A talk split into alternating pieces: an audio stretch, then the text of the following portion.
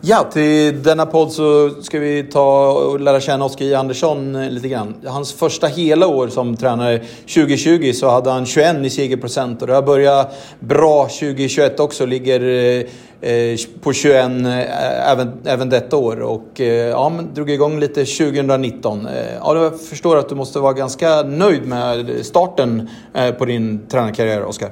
Ja, verkligen. Det det har varit eh, fantastiskt roligt och lärorikt. Alltså, eh, det är lätt för många att kolla in på, på just procent, om man säger så, segerprocent eller platsprocent eller vad det nu kan vara. Men det, ja, det är klart att det är kul, eh, fantastiskt bra när det är höga siffror där. Men det, man ska också tänka på att vissa starter är ju nästan en plan att man inte ska vinna nästan. Alltså ja. det, de, de, de ligger i ett, ett eh, steg i ett led på, på en, med en lång satsning så att säga med vissa hästar. Så att, eh, Eh, vissa tränare som inte har lika hög segerprocent eller som har högre, det kan ju bero på olika andra saker än, än just hur bra det går. Men vi är väldigt nöjda med, med siffrorna. Eh, jag är ju här och spelar in och vi är i Salatrakten. Eh, ja, du har ju verkligen en, en, fin gård och bra möjligheter här. Eh, runt 60 häst i träning, eh, är det det som är max-taket för vad du kan ta in? Eh, inte riktigt. Det finns ju alltid alternativ att sätta ut lösdrifter och såna här saker. Men jag är väldigt nöjd med, med att ligga på runt 60 hästar om, om vi skulle kunna hålla oss här. Eh, 60-65 och det, det är en dröm, har varit en dröm väldigt länge. Eh, jag har sett det som ett eh, mål för gården och för oss att, att ligga där. Ta oss upp dit och, och ligga där för att det fungerar väldigt bra med personal, det fungerar väldigt bra med träningsverksamheten så att banor som ska göras i ordning. Att man vill träna ett visst antal hästar på varje gång man gör i ordning banan, vattnar och harvar och, eh, och så vidare. Och sen... Eh, eh, men jag vill att det ska finnas plats för, för hästarna, att det ska finnas hagmarker eh, eh till varje häst så att man kan ha alla ute och man kan ha alla inne. Eh, och det, det kan vi då. Vi kommer komma tillbaka lite till hur möjligheterna är här. Men om vi tar det från början. Ja, det var i Åmål där du växte upp och, och och var du trav redan som, som liten eller hur, hur, hur var Oskar Andersson som en, ska vi säga, sjuåring? Ja, men om vi börjar under tidigare än sju år.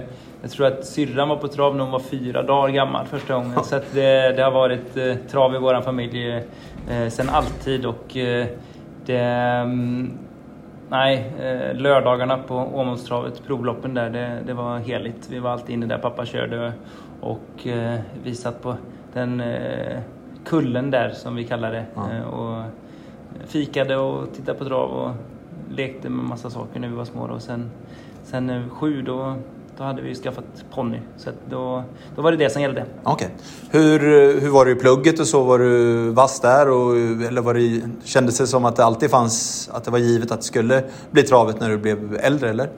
Nej, jag hade lärare som försökte få mig på helt andra tankar. De, jag hade ju faktiskt MVG i, i ja, maxpoäng om man säger så när jag gick ur eh, nian så jag fick något stipendium från skolan för, för bästa betyg. Och, eh, det är klart att jag tyckte det var, jag tycker i princip allt jag tar mig för är roligt liksom, oavsett om det är skolan eller hästar eller om det är något helt annat med sport eller med äventyr eller ja, vad det nu än kan vara, liksom, upp, upptäcktsfärd eller ja, det kan vara vad som helst. Eh, jag tycker det är kul och, skolan tyckte jag var otroligt roligt. Eh, och hade ju lätt för mig såklart. Ja. Det kanske gör att man tycker att det är roligare såklart. Eh, så att nej, det fanns mycket som intresserade mig som yngre. Men hästarna var, var det allt jag brann för. Eh, det har det varit hela tiden. Och eh, första ponnyn där, Lillsting, han eh, lärde jag mig väldigt mycket med. Han var 92 cm tror jag hög och, och liten svart ponny. Men de där ponnyerna, de, de lärde vi oss väldigt mycket på, jag och syrran, när vi höll på med dem dagarna i ända. Mm.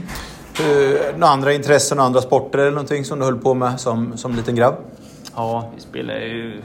Fotboll var ju stort intresse i familjen. Jag har en kusin som har vunnit SM-guld som lagkapten för Djurgården, Marcus Johannesson där. Så det var... Han har jag mött till och med. Ja, du ser. Bara sån sak. Eh, fick du stryk? Ja, vi, jag tror det blev 2-0. Eh, de kom till...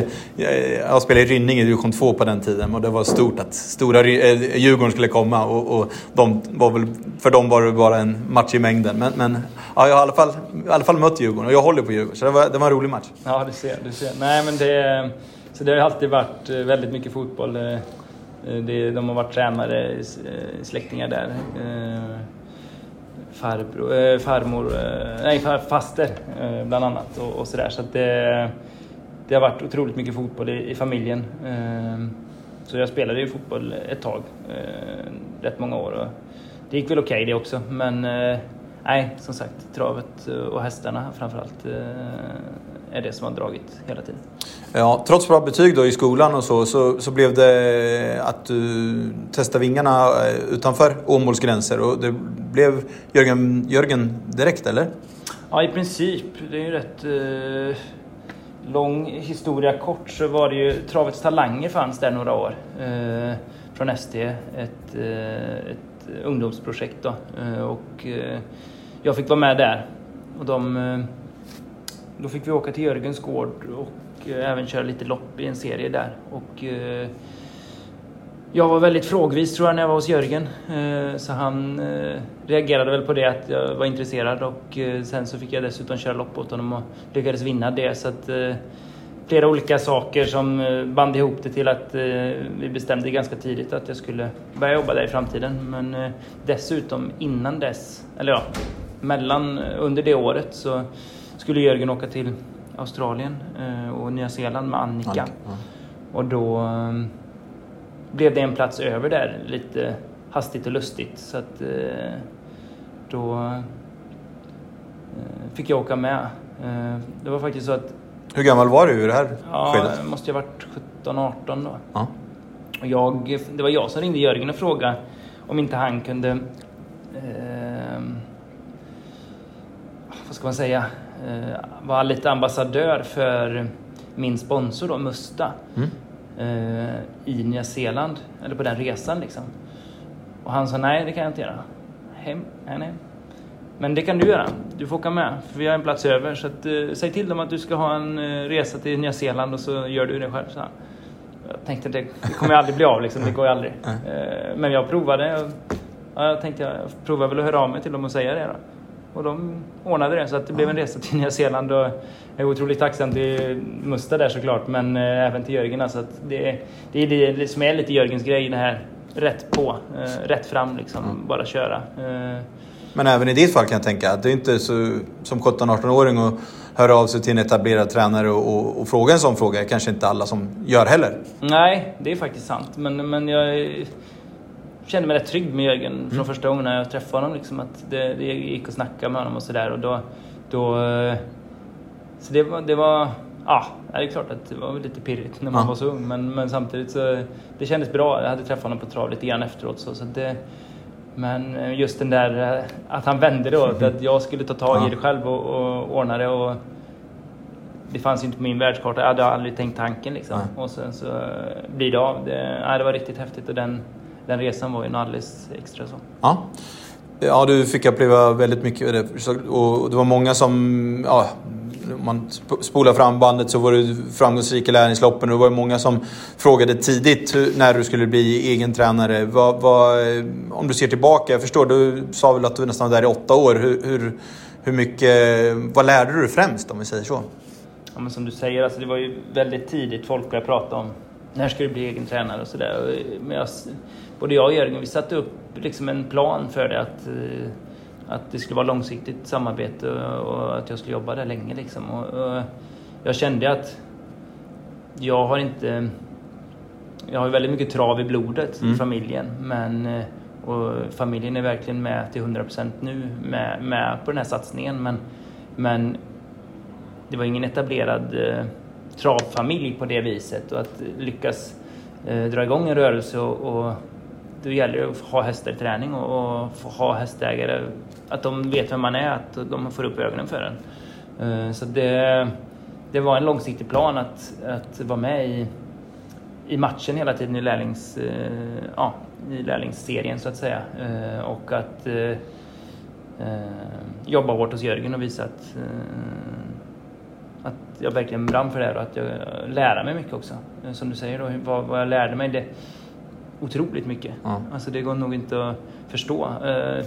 Det jag berättade tidigare om, om, att vara rätt fram och rätt på, det är något helt annat. Det är liksom personlig utveckling ja. nästan och det tror jag var väldigt stor hos Jörgen. Tack vare sådana saker. Att, du fick tidigt ett ganska stort ansvar och även köra lopp mot etablerade kuskar. Ja, men verkligen så. Jag har fått köra storderbyt åt honom, E3 och massa sådana saker. Alltså det var ju tidigt eh, ansvar i stallet eh, och även eh, på tävlingsbanan som du mm. säger. och att ta förluster fick jag också lära mig. Jag kommer ihåg, jag vann ju första tre loppen jag körde åt Jörgen. Så, fjärde loppet så var jag tvåa. Okay. Och, ja, ja, jag var tvåa liksom. Ah. Det, det lär man ju bli någon gång också, man lär ju förlora någon gång. Och då kom Jörgen, jag satt åt med de ägarna till, till den hästen, Speedway Action. Och eh, då kom Jörgen in. Vi hade inte pratat något efter loppet. Han hade varit ute och värmt eller kört en lopp. Och så kom han in dit och så sa han bara Varför förlorar du? Jag tänkte, vad har jag gjort nu liksom? Ja, så är jag liksom lite darrig på rösten. Ja, ja kanske skulle ha kört lite hårdare på bortre långsidan. Ja, det skulle jag ha gjort. Och så gick han sen igen liksom. och det är liksom, han var ju inte ett dugg sur eller Nej. irriterad på att jag hade förlorat. Men han liksom testade mig lite, han tyckte det var lite roligt. Ja. Och, och, det är sån han är. Att, uh, det är ändå lite hård jargong mm, ibland ja. liksom. Men uh, och att det inte ska vara någon glans och, och, man ska tro att bara för att jag hade vunnit tre lopp i rad liksom, att det ska vara något, att det ska vara så enkelt. Att, man bara får eh, ryggdunkar utan att eh, man ska tänka efter varje lopp. Liksom, vad, hur, vad kunde jag gjort bättre? Även om jag kanske är sexa i ett lopp eh, så ska man tänka efter, ja, men, gjorde jag det optimala för den här hästen just den här dagen? Mm. Eller, eller var det här vi eftersträvade just den här dagen? Liksom? Eh, och det har jag verkligen tagit med mig, eh, tycker jag. I att vara, ja, men, tänka igenom efteråt, vad, vad var rätt och fel i det här loppet? Du känns så som person. Nu har jag varit här hos dig en liten stund här på eftermiddagen och det känns som att du hela tiden är i framkant och tänker det ska jag göra så och ska plocka bort eh, lite stenar i någon hage och vi ska utveckla eh, möjligheterna som vi har här hemma. Har du alltid varit så och gick du även och lura på sånt när du jobbade hos Jörgen? Ja, alltid. Eh, alltid. Och det, det, det har väl varit eh, sen jag var pytteliten, liksom mm. hemma eh, där vi bodde på på första stället och andra stället eh, eh, när vi bytte gårdar. Då, eh, så ville jag alltid förändra saker. Vi red ju väldigt mycket som liten och då, jag byggde hinder av stenar och liksom vi byggde fälttävlansbanor och mm. vi, sen när vi blev lite äldre och var med träning, travträning liksom, då eh, letade jag mycket nya träningsvägar. Det var ju mest vägar på den tiden. Vi hade inga egna riktiga banor på det viset. Eh, för att hitta bättre möjligheter. Liksom, ja. att, eh, de hästarna vi hade för att göra det så bra som möjligt för dem. Liksom. Så att eh, det har väl alltid varit ett sånt sätt jag har och det har väl passat väldigt bra med Jörgen. Han är ju också en sån person som vill framåt och sträva framåt. Så att, den, den delen fick man ju utveckla där också. Och som sagt tagit med mig hit då. Så att vi vi, som du säger, vill verkligen ligga i framkant och ha koll på alla bitar. Och, ja, det kliar i fingrarna och det gnager en alltid lite grann när man går och lägger sig. Att man kanske, vad skulle jag gjort mer? Eller vad, man vill alltid göra mer liksom. Men samtidigt har jag förstått att Rom byggs inte på en dag och, och att eh, vi ska vara väldigt nöjda med det vi har lyckats med och eh, åstadkommit hittills. Och att eh, eh ja, man får en plan på hur man ska förbättra saker hela tiden för att eh, nå ett slutmål. Då. Egentligen kanske det inte finns något slutmål utan en del av... Eh, alltså det är en hel resa som, som aldrig kommer att ta slut Nej. förhoppningsvis. Utan att, du är inte ens 30. exakt, utan det är ju något vi vill hålla på med resten av livet. Eh, det här. Eh, och då, då får det väl finnas... Det, det måste finnas någonting att sträva efter också. 2019 valde du att starta igång din egen rörelse och som vi var inne på lite förut var det många som frågade förut att när ska du bli egen, när ska du bli egen? Var, var det ungefär i, i där du såg själv framför dig att det var då det var läge eller hade du något år innan till och med tänkt att, att, att dra igång? Eller hur, hur, blev det som planerat? Ja, det blev väldigt bra faktiskt. Alltså så, jag mm, sa ju till Jörgen redan ett halvår innan eh, jag skulle ta ut licensen, eller lite mer, att ungefär då har jag tänkt att liksom, ta ut licensen. Så att, eh, både för att förbereda honom och förbereda mig själv och förbereda andra liksom, mm. eh, runt omkring. Och, eh, mamma och pappa hade köpt den här gården typ tre år tidigare. Eh, så att det, det, är klart att det låg en förbered, förberedelse i det också. Eh, och eh, nej, vi, vi gjorde en lång uppstartssträcka där Paula eh, började jobba här innan mig egentligen. Mm. Eh, och jag gjorde en övergång från Jörgen eh, till att börja helt själv då. Så att det, det funkade väldigt bra det var ju... Nej, jag drog även upp lärlingskörandet. Alltså jag körde ju under alla lärlingsgränser i alla år fram till mm. sista året då. Då gick jag upp och körde ännu mera lopp så mm. att jag fick träffa mer människor och komma i kontakt med mer människor. Så att, ja, det blev väldigt, väldigt bra. Du har din mamma och pappa här på gården och, och, och Paula och även din syrra och, och hela det kittet. Så, så, det känns som att det, det är välplanerat in i eh, minsta detalj kan man nästan säga. Jag, vi, vi lunchade för ett tag sedan och du sa att även eh, personalen får mat och lite sådär. Det, det tycker jag var eh, en fin gest och kan du berätta lite om hela det här konceptet? Det tycker jag ändå är lite, lite mervärde i. Ja, matsedeln hänger här på, på väggen bakom oss och eh, det är ju nej, det är mamma som eh, tillagar lunch varje dag. Det är mm, frukost, fika vid halv tio varje dag mm. och det är eh, lunch klockan 13.00 varje dag. Och det är ju nej, det är unikt i princip och, och mamma drar ett fantastiskt last på den biten. Alltså det, och personalen visar ju verkligen uppskattningen. Vi, vi har ju dragit igång en en, eh, ja, för att försöka ut, utveckla det här tillsammans med en, eh, ett forskningsprojekt uppe i Falun. Eh, ja, men med ledarskap och med, mm.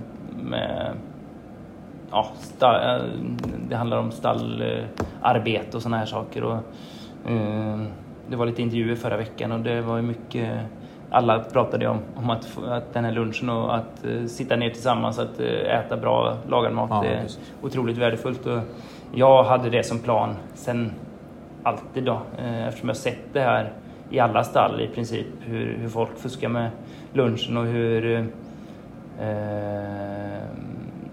ja, men energin försvinner, det blir irritation och, och sånt man tar bort många sådana moment mm. genom, genom det här tror jag. Och, eh, vi valde att, tidigt att satsa på det. Eh, det har varit med oss sedan dag ett egentligen. Ju. Och eh, det har fungerat eh, helt perfekt sedan dess. Så det, eh, det är väldigt, väldigt bra. Ja men grymt. Sånt, jag, jag, jag brinner verkligen för ledarskap. Jag tycker ja, det, var, ja, det, det var en snygg grej.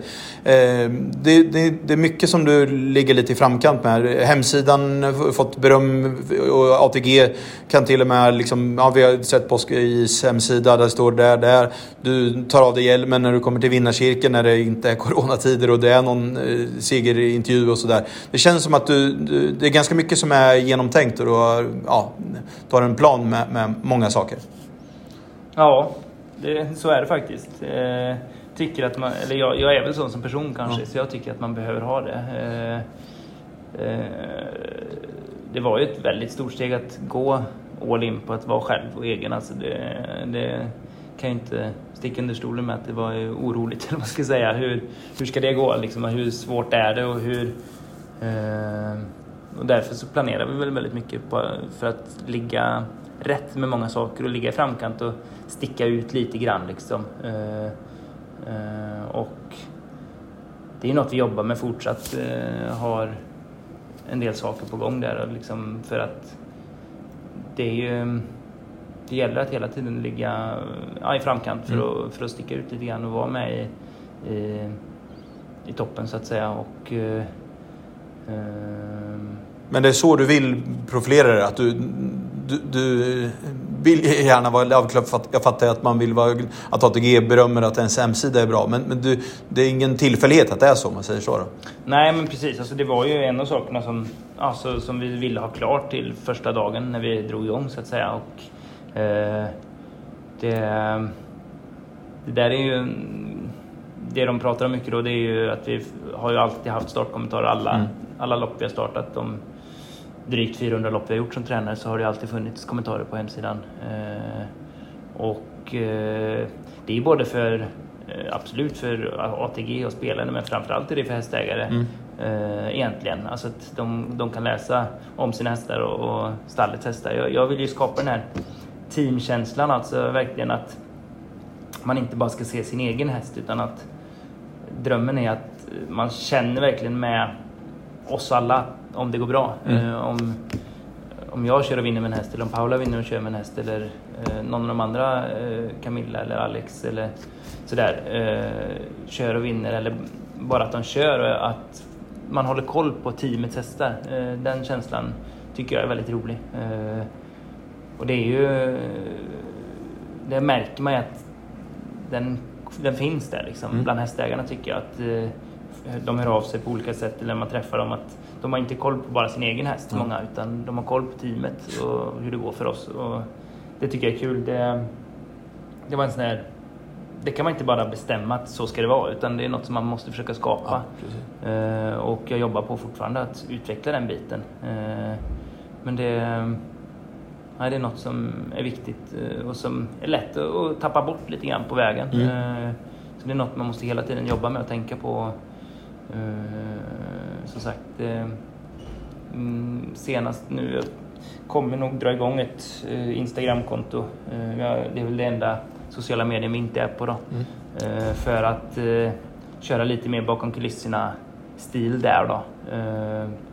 Och ja, för att skapa just den här känslan av att eh, folk ska se hur, hur kul det är bakom kulisserna och hur kul det är i stallet och vad, vad som kan ske och hända. Och eh, att man får se lite andra sidor än, än bara om det går bra liksom, mm. Eh, på, i något nyhetsflöde så att säga. Hur många anställda har du och hur, hur ofta jobbar de helg exempelvis och, och hur ser deras arbetsbelastning ut? Det är ju åtta heltidsanställda Eh, sen har vi ett par extra kuskar på olika basis då så att säga. Eh, som jobbar måndag, fredag eller måndag, tisdag, torsdag, fredag. Ja, det beror på arbetsbelastningen just som du pratar mm. om. Att, eh, jag gör planeringarna innan, ofta dagen innan eller två dagar innan, så att jag ser hur, hur det ser ut fram, framåt. Så jag vet hur många kuskar vi behöver vara, hur många som behöver vara i stallen för att få det att flyta. Och Eh, ja, allt med mockning och utsläpp och insläpp och ta hand om hästarna helt enkelt. Mm. Så att, eh, eh, det fungerar väldigt bra. otroligt tacksam över att, den här, att det finns människor som inte måste ha ett heltidsjobb utan att man kan ha dem lite så här, ta in dem lite mer när det behövs. det har varit väldigt värdefullt tycker jag. för det är ju ett... det går ju inte att veta allt innan eller hur mycket arbetsbelastningen ser ut om ett halvår eller om två månader eller om en månad ens. Utan eh, det beror ju på hur mycket häst det finns i stallet och då, då är det väldigt viktigt med, med det där för att inte slita på den personalen som, som är heltid om man säger så utan att de ska få understöd hela tiden. Um, har du någonting så att ni jobbar med att man inte ska slita? Att man, att man tvärtom, att man får extra med något kringarrangemang eller att ni gör lite sådana grejer så att personalen ska trivas än mer eh, på arbetet? Ja, men, det finns säkert hundratals grejer egentligen mm. men, men att eh, jag vill ju, alltså just eh, slitage på personal, alltså med vagnar och sådär. Jag har ju eh, köpt in vagnar som, som ska vara bra så att mm. säga. Eh, ryggar och sånt, eh, det är ju, kan ju vara slitsamt mm. Eh, arbete och slitsamt att sitta i dåliga vagnar och köra eh, kallt och, och jäkligt så att säga. Ehm, så att det vill jag ju ha. Sen har vi ju jag vet ju på vissa arbetsplatser då får man gå upp på någon smal spång för att tömma skottkärran liksom mm. på vintern, 20 minus och halt och, eller regnar eller någonting. Så att vi har ju så att man mockar direkt nära stallet i en skop, stor specialgjord skopa då, så att man inte behöver gå så långt med skottkärran. Eh, så åker man och tömmer det med, med traktorn istället. Och, ja, det är mycket sådana småsaker så att säga som försöker ha rätt så nära till hagar och eh, som sagt tar in lite extra som hjälper till att mocka eller sådär. Och helgarbetet så vill jag inte ha att man jobbar hel helg. Det skulle innebära att det är 12, 12 dagars arbets... Mm, mm. eh, Att man arbetar 12 dagar i sträck i princip. Och det, det funkar ju liksom inte. Eh, Jag måste vila och folk eh, som jag är anställd måste vila. Det, det säger sig självt. Så att eh, man jobbar en, en dag var tredje helg. Okej. Det verkar funka väldigt bra. Ja. Eh, när du drog igång så har jag fått den här av Fernöl lite grann, att han hade lite se- sega och sjuka hästar i början av karriären. Hur påverkar det dig? Och, och, ja, stämmer det om vi börjar där? Och, och, var det någonting som det nästan kunde ha blivit eh, att, eh, att du lärde dig någonting av? Ja men alltså det är ju så. Det blir i alla stall. Eh, kommer ju sjukdomar till och ifrån. Eh, även liksom...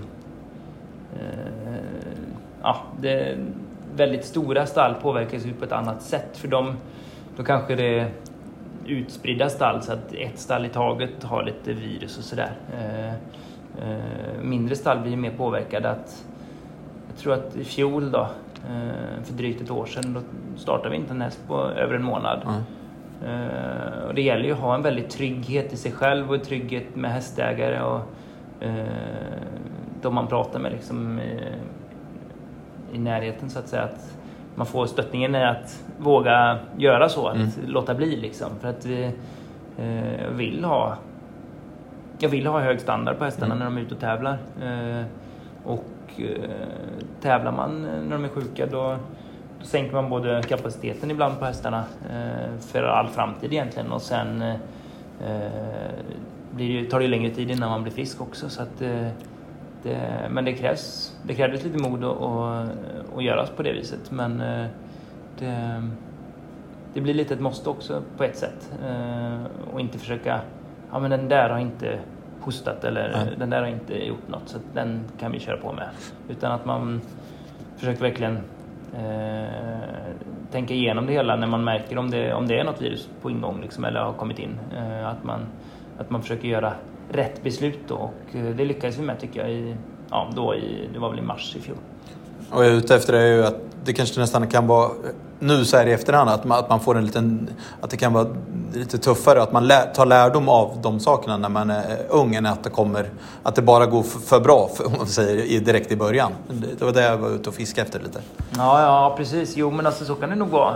Eh, Jag har ju varit, varit så länge hos Jörgen då, Ja. så att jag har varit med om många såna här upp och nedgångar så att Mm. säga. Eh, Så att jag eh, hade väl fått med mig mycket av de tankarna redan därifrån. Ja. Men, men att eh, jag förstår precis vad du menar. att Det är ju...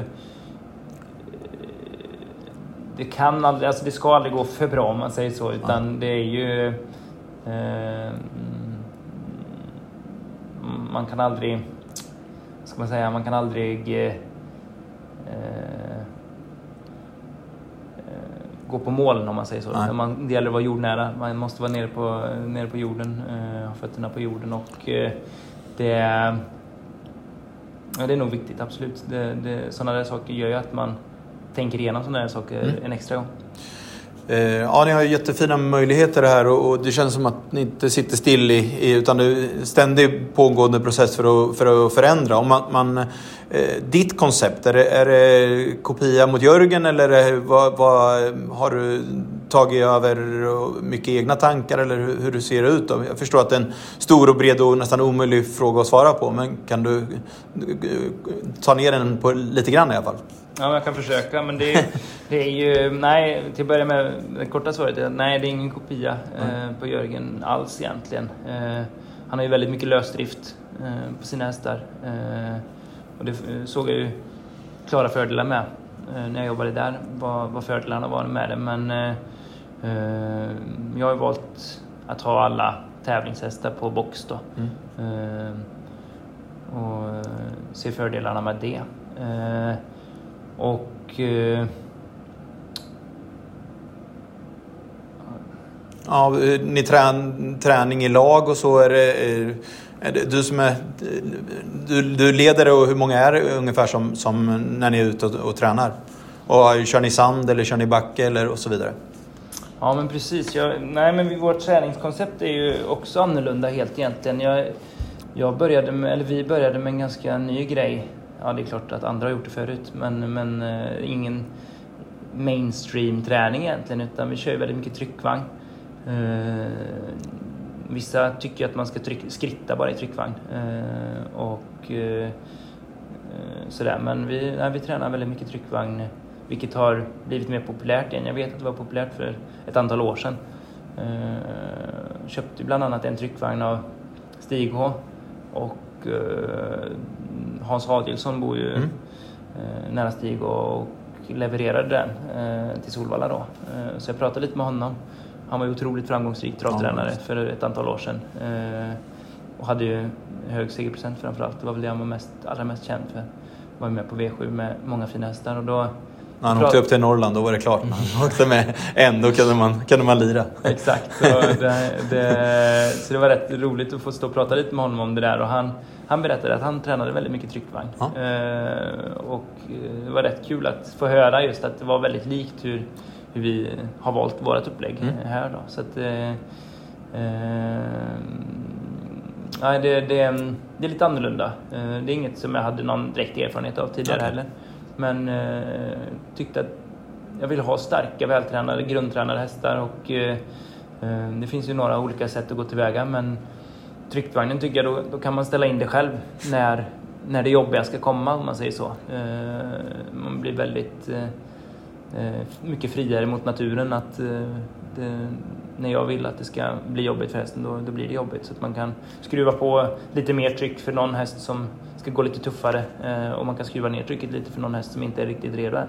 Så att det, det skapar en hel del eh, roliga möjligheter tycker jag. Eh, Eh, så det är en ganska stor grund i, i träningen utöver eh, eh, klassisk rakbaneträning då i, i och för sig på lite djupare, tyngre harvad bana. Mm. Och eh, så har vi en, ja men lotsat fram oss till en, eh, en typ av heatjobb då, som fungerar väldigt bra här hemma på gården med 1500 meters hit, eh, tre, tre gånger 1500 meter på ett visst, ett visst sätt då, som vi har filat på allt mer och det, det har blivit väldigt bra tycker jag. Mer mängd än fart eller? Ja men precis. Eh, det, det är nog grundkonceptet, absolut, det får jag mm. säga. Och ja, när vi åkte runt där så ni kör mycket i lag, att ungefär 68 stycken eller? Ja, exakt. Eh, det är ju... Det blir ju den typen av eh, turer om man säger så. Eh, att jag vill ha ett par stycken inne i stallet som kan ta emot hästar eller göra i ordning, hämta hästar från hagarna eller göra i ordning till nästa tur och sådär. Men i övrigt så är ju, tycker jag också, och det tycker skötaren också är väldigt kul att få köra en hel del av sina passhästar själv mm. i, träning utöver det jag och eh, någon av våra exekuskar kör. Då. Eh, för att lära känna dem mer, känna vart de står eh, och eh, eh, Eh, lära sig liksom detaljer för det är ju individuell eh, det blir väldigt individuellt på det viset. Att eh, man lär känna varje häst och eh, märker snabbare när, när det är någonting som, som sticker ut i negativ eller positiv mening på dem. Då, att, om de verkar starkare eller piggare eller om de verkar ha något ben som de inte fungerar lika bra med som de borde eller brukar göra. Mm. Du är inte rädd för alternativ träning heller? Att det kan vara ridträning och visar väl en hel del bilder när jag väger och simma med hästarna och så. Och det, det, det, det var, tror det var, det var Spante som sa när jag kollade upp lite med honom, han är inte rädd för att, att jobba med, ja, individanpassat för varje enskild häst. Nej, men verkligen så. Eh, det är allt från, som du säger, träningsupplägg då. Eh, jag red ju själv som sagt en hel del mm. när jag var yngre. Eh, under 6-8 år så red jag ju väldigt mycket, i princip lika mycket som jag tränade travhästar. Och såg ju stora fördelar med, med den typen av träning. Så det är någonting vi har hållit på med hittills men som vi kommer att utveckla ännu mer, är tanken. Och sen simningen är ju fantastisk alltså. Vi har ett jättefint eh, gammalt brott där, eller eh, sandgrop, eh, där det är klart fint vatten eh, och väldigt lätt att komma till. Då med, eh, så att vi, när det är sommarhalvår eller ja, några månader under sommaren där när det är varmt så simmar vi med hästarna och det är ju ja, jag simmar väldigt lite ska jag säga, för jag tycker det är otroligt kallt oftast. Men eh, de andra simmar eh, betydligt mer. Men jag simmade ett par gånger i somras och ja, den känslan är nästan oslagbar. Alltså det, det var första gången jag simmade med hästar i somras och det, det var jättehäftigt alltså. Och du tryckte verkligen på när du visade lite bilder här innan vi drog igång att ja, hästarna trivs, inte bara du utan, eller personalen, utan hästarna trivs ypperligt med det. Ja, verkligen. Och det är ju en eh, fantastisk träningsmetod eh, som vi ska jobba på att utveckla ännu lite mer. Eh, hur man kan träna lite längre, lite hårdare liksom på det viset. Men alltså Viscount till exempel som vi hade i fjol. Mm. Eh, som han gjorde åtta starter och vann sex och vann försök och final till V75. Och, eh, han har ju ett liv med skador och, ja, och problem liksom. Och eh, han la in mycket simträning. Eh, han, under resten av året så går han mycket ut i skogen mellan jobben eh, en runda liksom för att göra något annat. Och, eh, under sommarhalvåret, eller sommarmånaderna där så simmade han ja, varje vecka liksom. Och eh, jag tror att eh, det absolut låg till grund för en del av hans eh, framgångar i fjol. Ja. Vi ska bryta av med lite. Jag har eh, kollat med fem stycken i din närhet eh, och bett dem ge ett påstående om dig. Och jag vet ju att du är tävlingsinriktad så jag tror att du vill naila och sätta alla fem rätt. Det är din syster Rut, Filip Diluca, Eh, Patrik Fernlund, Mattias Spante och din mamma Katarina som jag har eh, fått ett påstående eh, av. Eh, ska vi köra igång med första? Ja, det gör vi. Eh, någon större V75-spelare lär han eh, nog aldrig bli, men i övrigt så tänker vi väldigt lika. Eh, vi, det, det, tog ett gäng travdagar i rad innan han tog knäcken på mig. Eh, jag kommer alltid imponeras över hans driv och målmedvetenhet. Ehm, kan du ta vem det kan vara?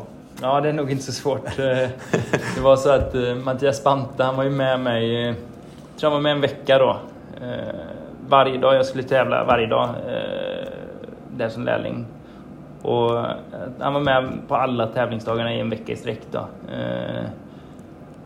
Han låg ju säkert och sov vissa stunder när jag var uppe och jobbade i stallet också. För det var ju när jag jobbade hos Jörgen. Och, Eh, så jag var upp varje morgon och jobbade och sen så åkte jag på tävlingar. Eh, ibland lunchtrav men oftast kvällstrav. Och sen, jag kommer ihåg han berättade sen när jag ringde honom dagen efter sen. Eh, han hade somnat på soffan och sovit i typ 16 timmar eller någonting. Han hade, visste inte vart han var när han vaknade. Så det, det, det, måste vara Mattias Bante som ja. sagt det.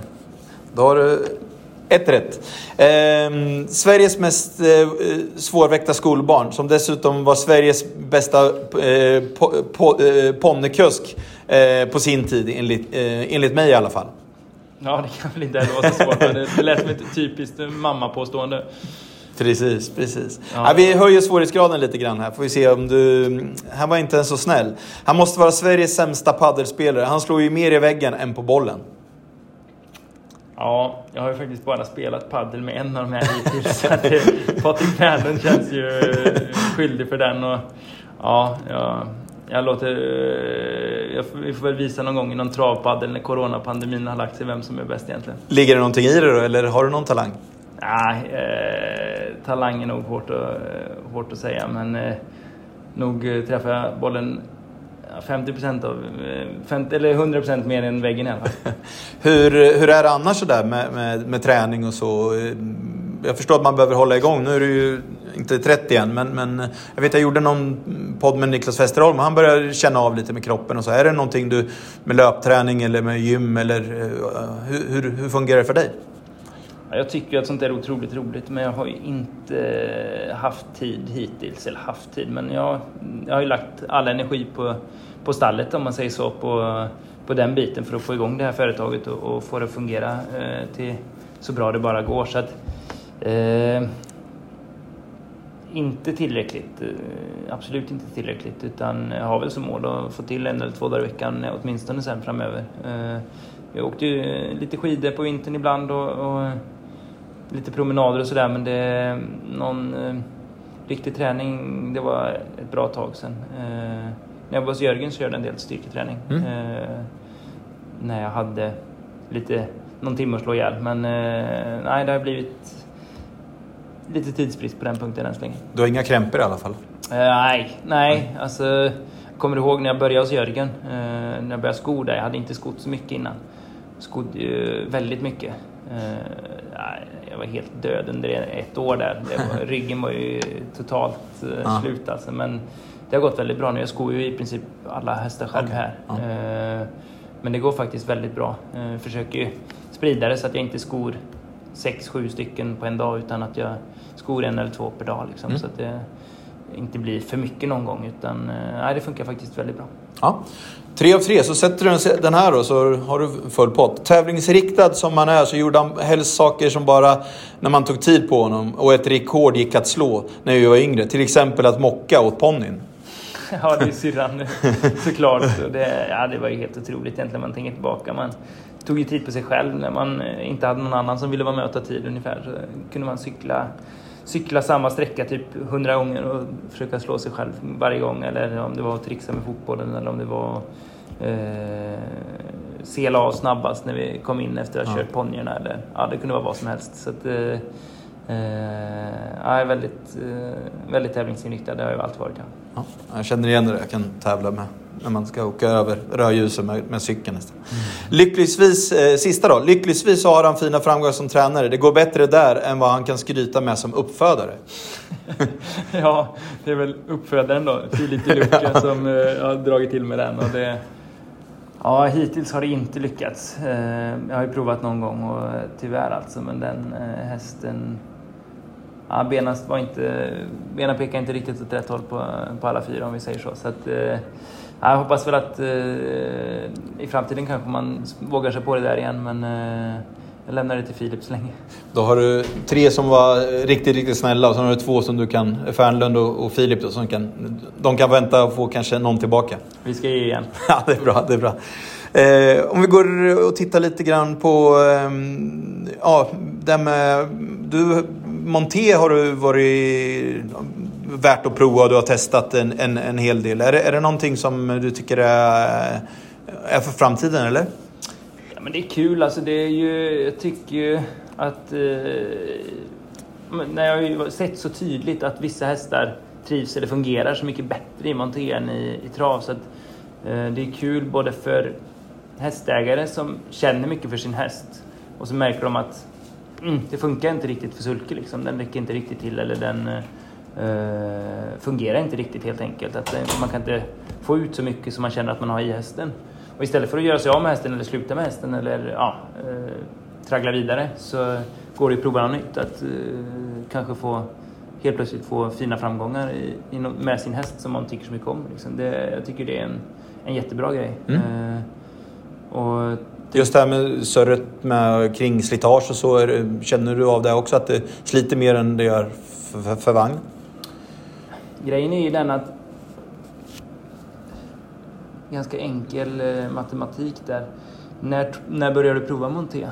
Det är, mm. inte, det är inte när de är purunga ja. och superfräscha kanske utan det är ju lite äldre hästar som går ut och börjar montera och de har nog redan lite krämpor när de börjar prova. Så att det, det är lite hårt att säga utan eh, eh, det är väl klart att eh, det, det, finns monterhästar som har blivit skadade så att säga. Men eh, det, jag, jag, tror inte det ligger en fullständig sanning i det utan eh, man kanske måste förbereda dem eh, bra för, för monté också.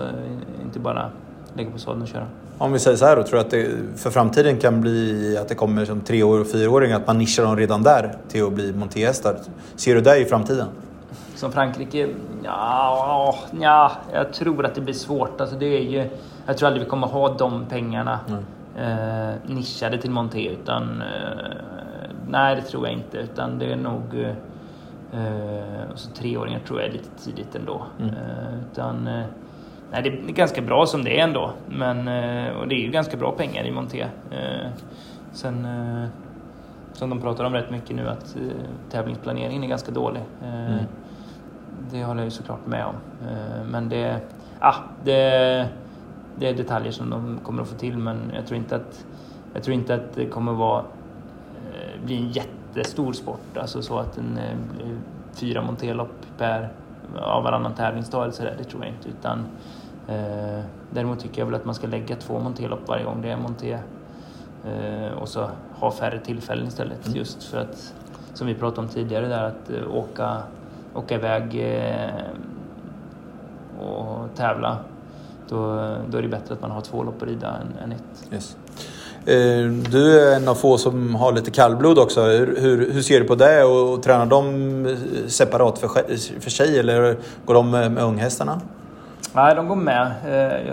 Vi har ju den här tryckvagnsträningen mm. då. Eh, så det är ju 1.50 tempo vi kör ungefär. Eh, så de, det passar ganska bra för dem. Eh, oavsett om de ska ha tryckvagn eller inte. Då. Och just att, som jag berättade, man kan ju ställa trycket. Så att jag kan ju, farten kan vara densamma men att jag kan bestämma hur, hur jobbigt det ska bli för dem. Så att det funkar väldigt bra. Och nej, de går, de går med de andra precis som som vanligt. Så att säga. Och du, du, har lite rutin från, Jörgen hade också en del kallblod? Ja men precis, det hade han. Jag fick ju köra det fantastiska kallblodet Odin Tabak där.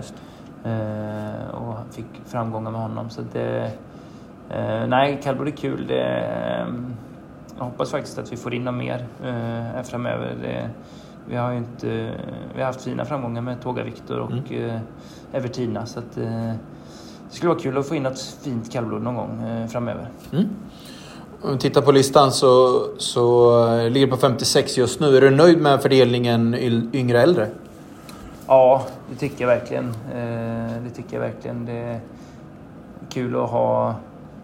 Vi har haft vi har 14 unghästar, tvååringar då, och det är väldigt kul att ha ett yngre garde och, som kommer underifrån. Men samtidigt så är det ju ute på tävlingsbanan som vi vill vara också så att det, det vore ju tråkigt om vi inte hade några äldre hästar. Jag, jag har ju svårt att se den här att man inte ska ha kvar några hästar när de är fyra år eller äldre. Mm. Eh, eller ja, när de blir eh, slutar fyraårssäsongen att alla ska ut. Det, det, förstår jag inte riktigt utan eh, eh jag ser tjusningen i, i att träna fem, sex och sjuåringar också så att säga.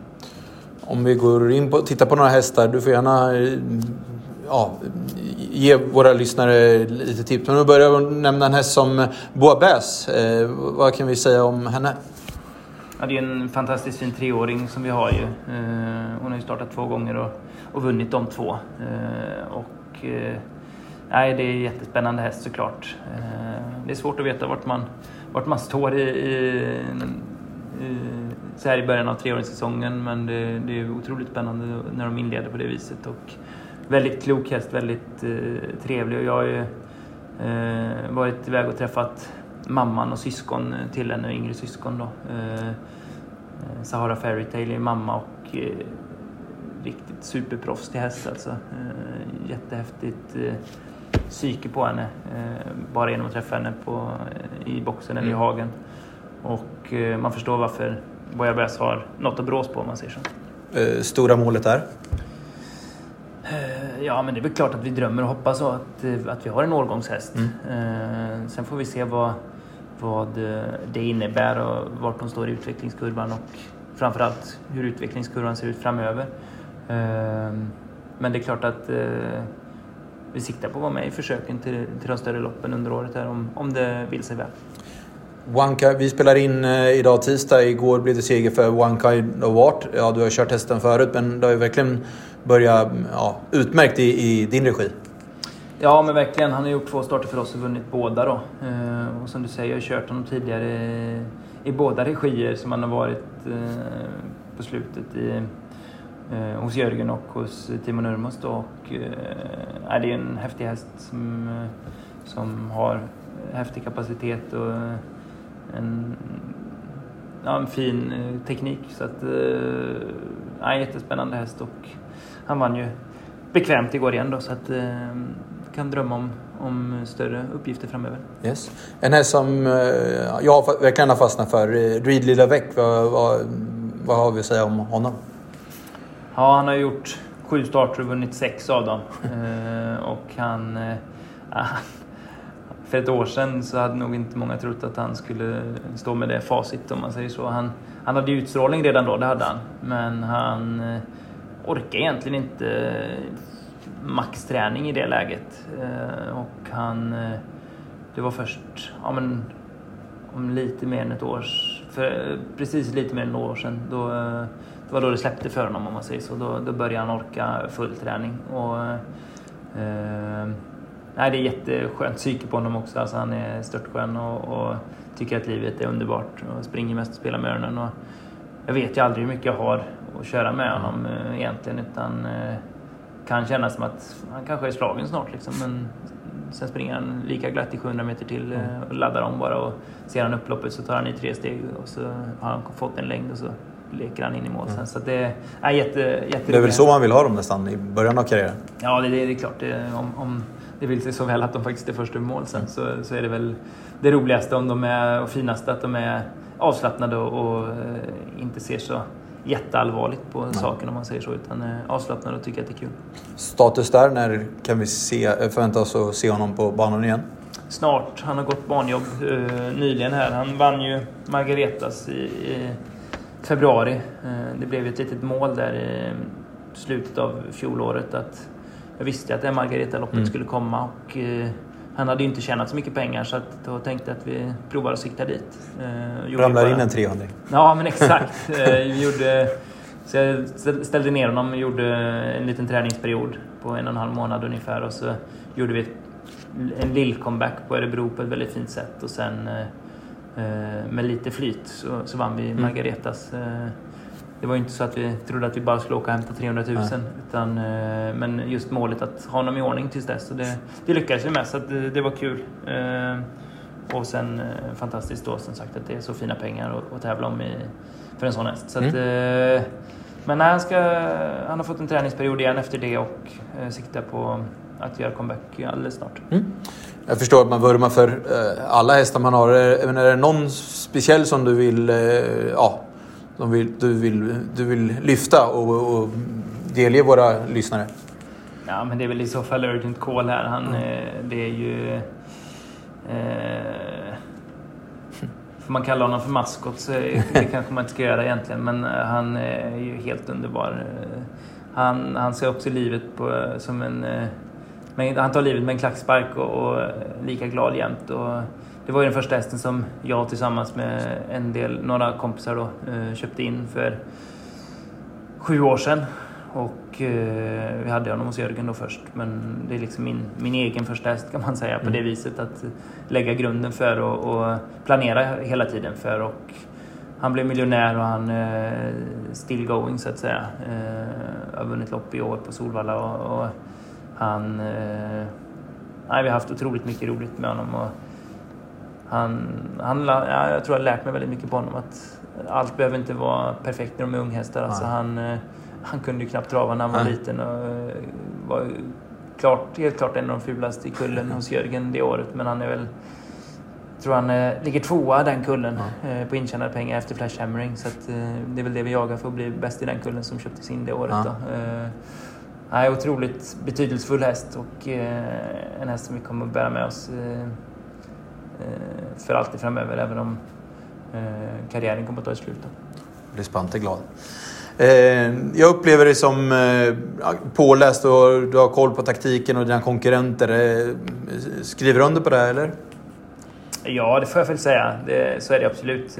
Att du lägger vikt vid det om jag säger så? Då. Ja, men Kanske absolut. var en dåligt formulerad fråga. Nej, men absolut. Det, det gör jag. Verkligen. Eh, enskilda lopp så kan man ju vinna eller förlora på att man är påläst. Alltså man kan ju tro saker ska hända som, eh, som gör att man förlorar loppet istället. Men på, i, i ett stort perspektiv så, så tycker jag att det är en otrolig fördel att ha, ha en tanke kring loppet på förhand och veta om vad konkurrenter normalt sett, mm. hur de beter sig eller hur hästar beter sig eller hur, hur de brukar prestera och vad man kan förvänta sig ska hända i, i olika skeenden av loppet. Så att, eh, absolut eh, har jag stor koll på, på det när jag åker ut eh, till start och det tänker jag fortsätta ha så att säga. Hur jobbar du med det? Är det Nataliven själv eller har du någon, ja, typ som jag vet att du är nära med Mattias Bante, att du bollar med honom eller hur, hur, hur går det till? Ja, men det är många olika saker. Jag ser otroligt mycket lopp själv. Mm. givetvis så bollar jag ju med med bland annat Spante. Eh, och eh, det är ju... Spante har ju varit med i den här satsningen på, på vårt stall. Det är han som har gjort hemsidan och han har ju ja, ställt upp på väldigt mycket saker hela vägen. Så det, det har varit otroligt betydelsefullt då och han är helt klart med i, i, en del av den där biten också då, som sagt. Med tanke på det du sa själv att ställa upp. Du är verkligen en sån som ställer upp för media och det känns som att du tycker att det är viktigt och att du, ja, du gör det verkligen på ett femstjärnigt vis. Jag vet inte, eh, det var egentligen ingen fråga utan det var mer som ett påstående från mig. Men så, så känner jag och så känner vi i alla fall på, på Travtjänsten. Ja men det är kul att höra och det, alltså jag förstår ju att eh, de som tycker att det är jobbigt om man säger så. Eh, de har jag förståelse för. För att det, det tar tid, det tar kraft, det tar... Eh, och sen så just det att alltid försöka ha ett svar på någonting som ingen har ett svar på. Mm. Vem ska vinna loppet eller hur ska din häst prestera? Ja, vi, alltså, vi vet ju inte, det är ingen som vet. Eh, och man kan ofta åka på skit om man sticker ut haken eller om man inte sticker mm. ut haken eller om man... Ja, man hamnar alltid i skottgluggen på något vis. Men jag fattar ju att det är ju väldigt betydelsefullt för er med ert jobb och betydelsefullt framförallt för travet att, att vi gör det här och, och, att vi ställer upp på alla möjliga vis vi kan. Och, eh, samtidigt så blir det ett skyltfönster också för en annan att eh, synas i olika sammanhang. Så att, eh, det, ja, jag väljer att se win-win situationen på det än att se eh, de här baksidorna eller vad man ska kalla det. För att det, de finns och eh, de tycker jag är värda att nämna för att eh, folk ska tänka på det. Att det, är inte, det är inte bara bara allt utan Eh, det är också en stor press och det är mycket pengar som omsätts. Det, det, det kommer ju olika meddelanden från mm. folk liksom, till alla möjliga som, som är inblandade i travet. Och, eh, ibland kan man ju tänka fel i ett lopp och eh, man behöver inte bli hängd för det tycker jag. Utan det, eller att man säger en sak innan och så gör man en annan sak. Men det kanske fanns en anledning men det, man får inte alltid möjligheten att förklara eller försvara sig. Eller, utan eh, då tycker jag det är ganska viktigt för de som tycker men vad fan gjorde han så för? Mm. Eller vad, hur kunde fan kunde han göra på det viset?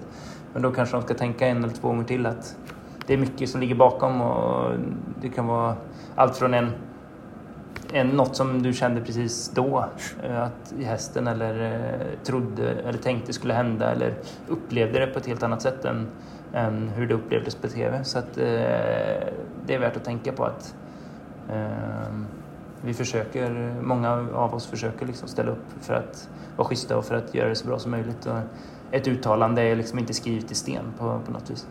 Nej, och det är ju... Jag kan ju bara relatera till att, man var, att jag har varit fotbollstränare. Det känns ju som att eh, vi skulle ju inte, eller jag skulle inte ha sagt att ja, idag ska vi köra med högt försvarsspel och gå ut och vi ska bara anfalla på vår vänsterkant av vår bästa spelare. Men det känns som att i vissa fall så blir ni Släpper du till den eller kommer du köra i ledningen? Och det, det, känns ju som att man bara har att förlora lite på det. Och ja, ibland så kanske jag känner att om det är vi i media, att vi ställer orimliga krav på er. Ja, så är det nog. Eh, så är det nog. Eh. Sen väljer du vad du svarar på. Jo, men precis. men det är just det där att vara en tillgänglig person också. Mm. Då, då aha, svarar man inte, då är man lite otillgänglig ja. istället. Eh, men eh, jag har inte funderat jättemycket på det. Jag tycker det funkar bra överlag. Men, men det är ju så att det, det är klart att det blir ju... Det finns ingen regel kring det där. Eh, finns det säkert eh, i, i vissa sammanhang. Galoppen har jag förstått det är liksom hårdare på olika sätt. Mm. Med, att de inte får ha telefon i omklädningsrummet eller på, med sig på tävlingsdagen i princip och såna saker. Att man inte får prata med folk i princip. Eh, och i vissa länder så finns det väl att man måste skriva sin taktik liksom, ja, om man ska ladda från start eller inte. Det är ju, det är helt orimliga krav. Mm. Jag förstår inte riktigt varför heller eh, det kommer till. För att det är ju, det är ju en del av själva grejen att räkna ut eh, Så, saker som spelare. Liksom, att försöka förstå varför vissa gör på ett visst sätt och vissa andra gör på Men jag ett annat sätt. fattar inte, precis som du är inne på, jag fattar inte om du kör fem oddsan och du säger att du ska släppa till två oddsan. Ja men då kan ju alla gå och spela tvilling eller komb eller hit och dit. Alltså det blir ju ingen edge kvar i det. Det är ju det som är lite av det roliga. Att man har kommit fram till att du, om du kör andras favoriten, att ja, jag tror Oskar kan komma till ledningen och fånga upp eh, favoriten i döden. Så det blir ju en form av spekulationen och, och det roliga i att vara att om du ska bara berätta redan vad, hur du tänker, då, då har man tappat mycket av edgen, tycker jag. Ja, men det är klart. Och, det blir även för vår del liksom att det är ju det är ett tävlingsmoment ja. som, som man försöker vinna loppen. Så det är ju... Ja, det, är, det är en liten... ganska skör tråd egentligen om man balanserar på det. Yes. Eh, du fick en dotter för relativt nyligen. Har det förändrat din inställning till, till livet och, och, och åka iväg och köra som catchdriver och så vidare? Det var en, en, stor och djup fråga där också. Men... Ja, det kan man nog prata länge om. eh, kan för, framförallt säga det att det är en, en rätt rolig grej. Kalle Wilborg sa till mig när jag kommer inte ihåg om vi hade... Nej, vi skulle ha barn. Eh, Paula var gravid då. Eh, och vi stod och pratade och så sa han det att eh, en sak är säker att för jag, vi, ja, vi pratade väl om liksom hur, mm. hur, stort blir det, hur krångligt blir det, hur svårt det är att eh, jobba med det här samtidigt som mm. man får barn. Liksom. Eh, och han sa det att eh, det, det, det, är klart det kommer vara jobbigt ibland och tufft liksom. Men att eh, när det har varit en skitdag på jobbet, det har varit någon häst som har blivit skadad eller halt eller eh, det har gått dåligt, de har galopperat eller de är sjuka. Men så kommer du hem och så ja. öppnar du dörren och så ser du ditt barn. Liksom. Det, det kommer att vara så otroligt fantastiskt för dig. Ja. Liksom, att, och det, det har jag känt att den, den, det ger styrka liksom, ja. i att ha barn. Eh, det är väldigt häftigt. Eh, jag kunde liksom inte... Jag kunde förstå vad han menade men, men jag har förstått nu när vi har fått barn att uh, verkligen vad han menar. Så att man, jag har upplevt det själv liksom på ett, det, det, stämmer verkligen. Så att, det var rätt häftigt. men det... Jag måste säga att det har inte förändrats så mycket i övrigt som jag ska man säga, var rädd för eller ja, ja. Liksom hade farhågor för eller vad man ska kalla det. Utan vi har verkligen kunnat göra det vi vill eh, i den här satsningen. Eh, och, eh, Sen har ju du det otroligt bra med, med tanke med familjen och allting. Som man, bara det lilla jag har fått uppleva när jag var här, de, de här timmarna. Ja men exakt, jag skulle komma till det. Att det, är ju, det är ju verkligen familjen som, som ställer upp till 110 procent. Och det är ju verkligen härligt på det viset här. Liksom, att Paula kan vara med och, och eh, i stallet mycket mm. eh, ändå fast vi lägger mycket energi på, på Avalon, då, vår dotter, så, så lägger vi, kan vi ändå lägga väldigt mycket energi i stallet. Eh, mamma och pappa eh, tar ju hand om henne mycket och även syrran. Då, så att, mm. eh, det, det är fantastiskt att säga och Paula drar ju ett stort lass eh, såklart. Eh, jag kan ju säga att jag vaknar inte på nätterna när, när lillan vaknar, om jag säger så, utan det är Paula som gör det och hon, eh, hon har ju varit eh, en fantastisk mamma eh, från dag ett egentligen. Och, och, nej, det, det känns som att vi har liksom blivit starkare av att ha fått barn tillsammans. Yes. Precis innan vi skulle dra igång så drog Spante faktiskt iväg ett sms och skrev att du glöm inte att prata om schyssta listan. Och den, ja, den, eh, där får du nästan hjälpa mig för han, det hann jag inte läsa på. Men, men han sa att eh, du har inte fått någon drivningsbot på väldigt, väldigt länge. Nej, det stämmer. Mm. Jag kan inte säga att det är Ja, medvetet, både och. Lite medvetet. Vet du hur länge sedan det var? Ja, jag tror att jag vet vilken drivning som var den senaste faktiskt. Eh, och det kan ju då betyda att det finns en anledning till varför det inte har blivit några mer drivningsböter sedan dess. För att eh, jag varit avstängd över Elitloppshelgen tror jag. Mm. Uh, och det var ju fruktansvärt surt. det, liksom, det, vill man inte bli som lärling. Uh, jag har ju vunnit Elitloppshelgen. Uh, en gång innan det och en gång efter det. Och, och den känslan är ju magisk alltså. Så att, att bli avstängd den helgen, det är liksom... Jag tror jag förlorade... Jag blev avstängd den helgen och sen förlorade jag Vången Cup på grund utav då, inom mm. citationstecken. Eh, eh, Vången Cup-serien det året. Eh, för att jag var avstängd och inte kunde avgöra i ett par sista lopp där jag varit avstängd över två, tre lopp som jag hade kört favoriterna i. Så att det, är liksom... Vilka år är det vi pratar om? Ja, det måste vara fyra år sedan. 2017, ja precis. Så att eh, det... Um, ja, det var... Det, det liksom... Jag fattade att vara avstängd var ingen alltså. Så att, eh, och, men men det, det grunden är ju sig såklart i att liksom det, och som det har blivit mycket prat om nu, att drivning liksom det, det är en ganska tråkig del av, eh, av sporten att, att det ska behöva bli jag kommer säkert få någon drivningsbot. Ja. Alltså att man blir lite ivrig, man blir lite yvig eller man ja, gör någonting som inte blir liksom helt korrekt om man säger så. Men, men att man lyckas ramla utanför reglementet. Men eh, eh, jag försöker hålla mig inom det och eh, det, är liksom, det är ju hästarna som ska tävla. Och, jag har dragit det exemplet ibland att jag vann en del lopp med en häst som heter Vittma. Eh, och de, om vi vann fyra eller fem lopp tillsammans, vann V75 och sådär. De gångerna vi vann, då hade hon oryckt huvud och oryckta tussar och hade aldrig vikt fram spöet, utan jag bara satt och höll i henne. Så när hon liksom var i form och var stark, då, då behövde jag inte ens driva på henne. Liksom. Och alla, ja, många andra gånger så hade jag ju ryckt de här tåtarna och, mm. och varit drivit på henne. Liksom. Men eh, målet måste ju ändå vara att ha hästarna i, i sån författning att de ja, försöker springa själva, vill springa själva och, och gör så gott de kan. Och sen eh, är det klart att vi ska kunna mana på dem för att eh, liksom göra ett tävlingsmoment av det och att eh, ja, få dem att förstå. Jag hoppas och tror, eller jag hoppas verkligen att eh, spöet till exempel, eh, körspöet får vara kvar. Eh, för att det är ju en viktig del i, i att köra häst liksom. Ja.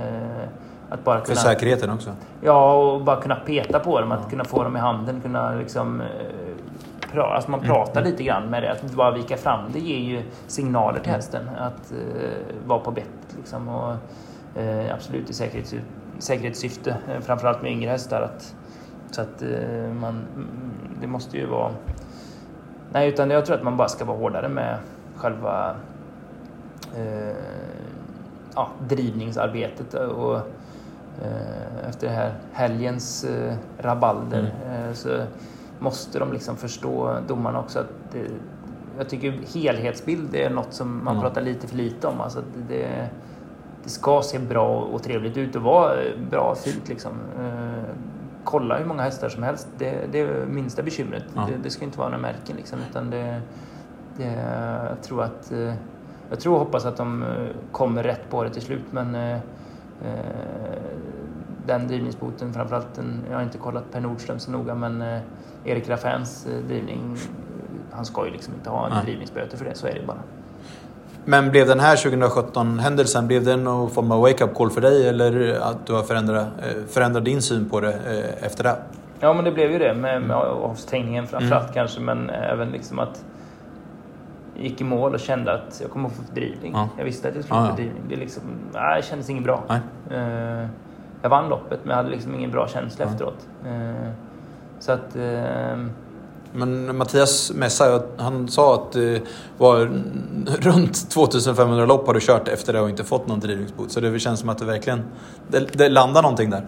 Ja, men verkligen så. Och det tycker jag är någonting de borde vara mycket mer noggranna med i, i utbildningarna att liksom få folk att förstå att man kan inte bara mana Nej. på, mana på, mana på. Utan det, tänk dig för, tänk igenom vad, vad du gör. Alltså, tyvärr så är det ju media och ATG Live eller vad det nu än kan vara som driver på det här att vinna lopp och att mm. eh, det är alltid de som ska som vinner mest lopp som, som kusk som är de som ska synas och pratas om. Mm. Och, Eh, tränare pratas det alldeles för lite om och eh, även då, säg tvåan och trean i lopp som kanske inte alls är lika framgångsrika och som kanske körde jättesnyggt liksom, pratas det mycket mindre om. Men, men eh, utan det handlar bara om att räkna segrar egentligen och det i ung ålder eh, när man inte kör så mycket, det blir fel. Det blir en, ett stresspåslag i att försöka vinna loppet mm. varje gång du är med i ett lopp. Eh, givetvis ska du försöka vinna det men inte med alla, alla medel, så att säga. Och det, det är en sån där grej som jag eh, tror att man ska försöka tona ner. Ja, men det är ju framförallt när man kommer in i travet, liksom. Mm. när man börjar sin... Eh, man sätter liksom standarden ganska tidigt. Jag tror att, jag tycker att de borde kanske ta in en sån som Erik Adielsson oftare att prata med den här typen av yngre kuskar mm. inför olika typer av lopp. Om det är... Typ som någon mentor då eller? Ja men precis. Eh, föreläsningar mm. eller, eller vad som helst. Liksom en gång om året, två gånger om året i samband med, ja, i framtiden då när coronan är över. Mm. Att, eh, I samband med Elitloppet eller i samband med eh, V7-lopp, lärlingslopp eller eh, jag vet inte. Eh, som när vi var med i Travets talanger mm. då, till exempel. Eh, nu vet jag inte vilket ungdomsprojekt som finns just nu men men i den typen av projekt, liksom, att eh, verkligen trycka på sådana saker. Att Erik är ju en fantastisk ambassadör för travet på, på många, väldigt, väldigt många sätt. Eh, både i körstil och i, i hur han kan eh, prata för sig om man säger så. Prata för travsporten och prata för hästarna. Eh, och eh, det tycker jag att de borde ta vara på eh, på ett bättre sätt eh, faktiskt. För det är, det är en så viktig del i, i, i framtiden för travet tror jag. Intressanta tankar. Det var långt surr. Väldigt, eh, ja, men det var kul att prata och få träffa dig Oskar och ta dig på pulsen. Hur ser du för, på framtiden? Eh, vad, blir, du, blir ni kvar här och vill du utöka och mer eh, hästar eller är 60 är det lagom där du vill ligga? Vi köpte faktiskt grannhuset här alldeles nyligen i fjol. Då. Och, eh, så ja, absolut att vi blir kvar här. Det, det är verkligen vår tanke. Eh, det är därför vi lägger så stor energi på att eh, rusta upp gården hela tiden liksom, och förbättra saker konstant. Och ja, jag är väldigt tillfreds med ungefär den här storleken på gård och storleken på rörelse. Det är väl klart att man kan liksom skruva på det åt ett eller annat håll lite grann. Men, men att eh, det känns väldigt bra med, med den här typen av eh, storlek och upplägg. Och, eh, ja, men, att drömmen är att kunna få fortsätta få in lite unghästar varje år eh, eh, och ha ett bra samarbete med ägarna. Och, och jag vill jobba nära folk, liksom.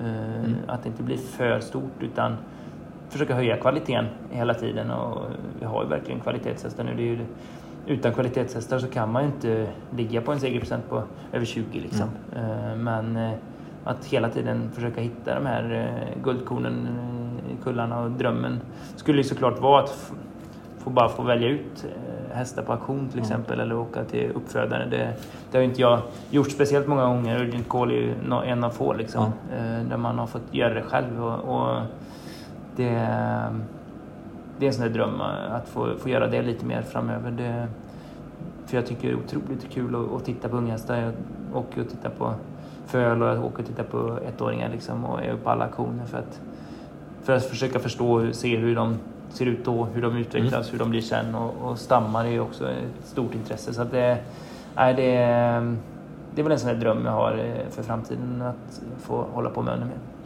någon form av målsättning och så sätter upp där. Jag vet att man jobbar mycket förut med att sa en siffra eller att man i fotbollssammanhang kan man säga att vi ska ta så här många poäng. Men det känns lite förlegat, eller hur, hur, hur jobbar du med det?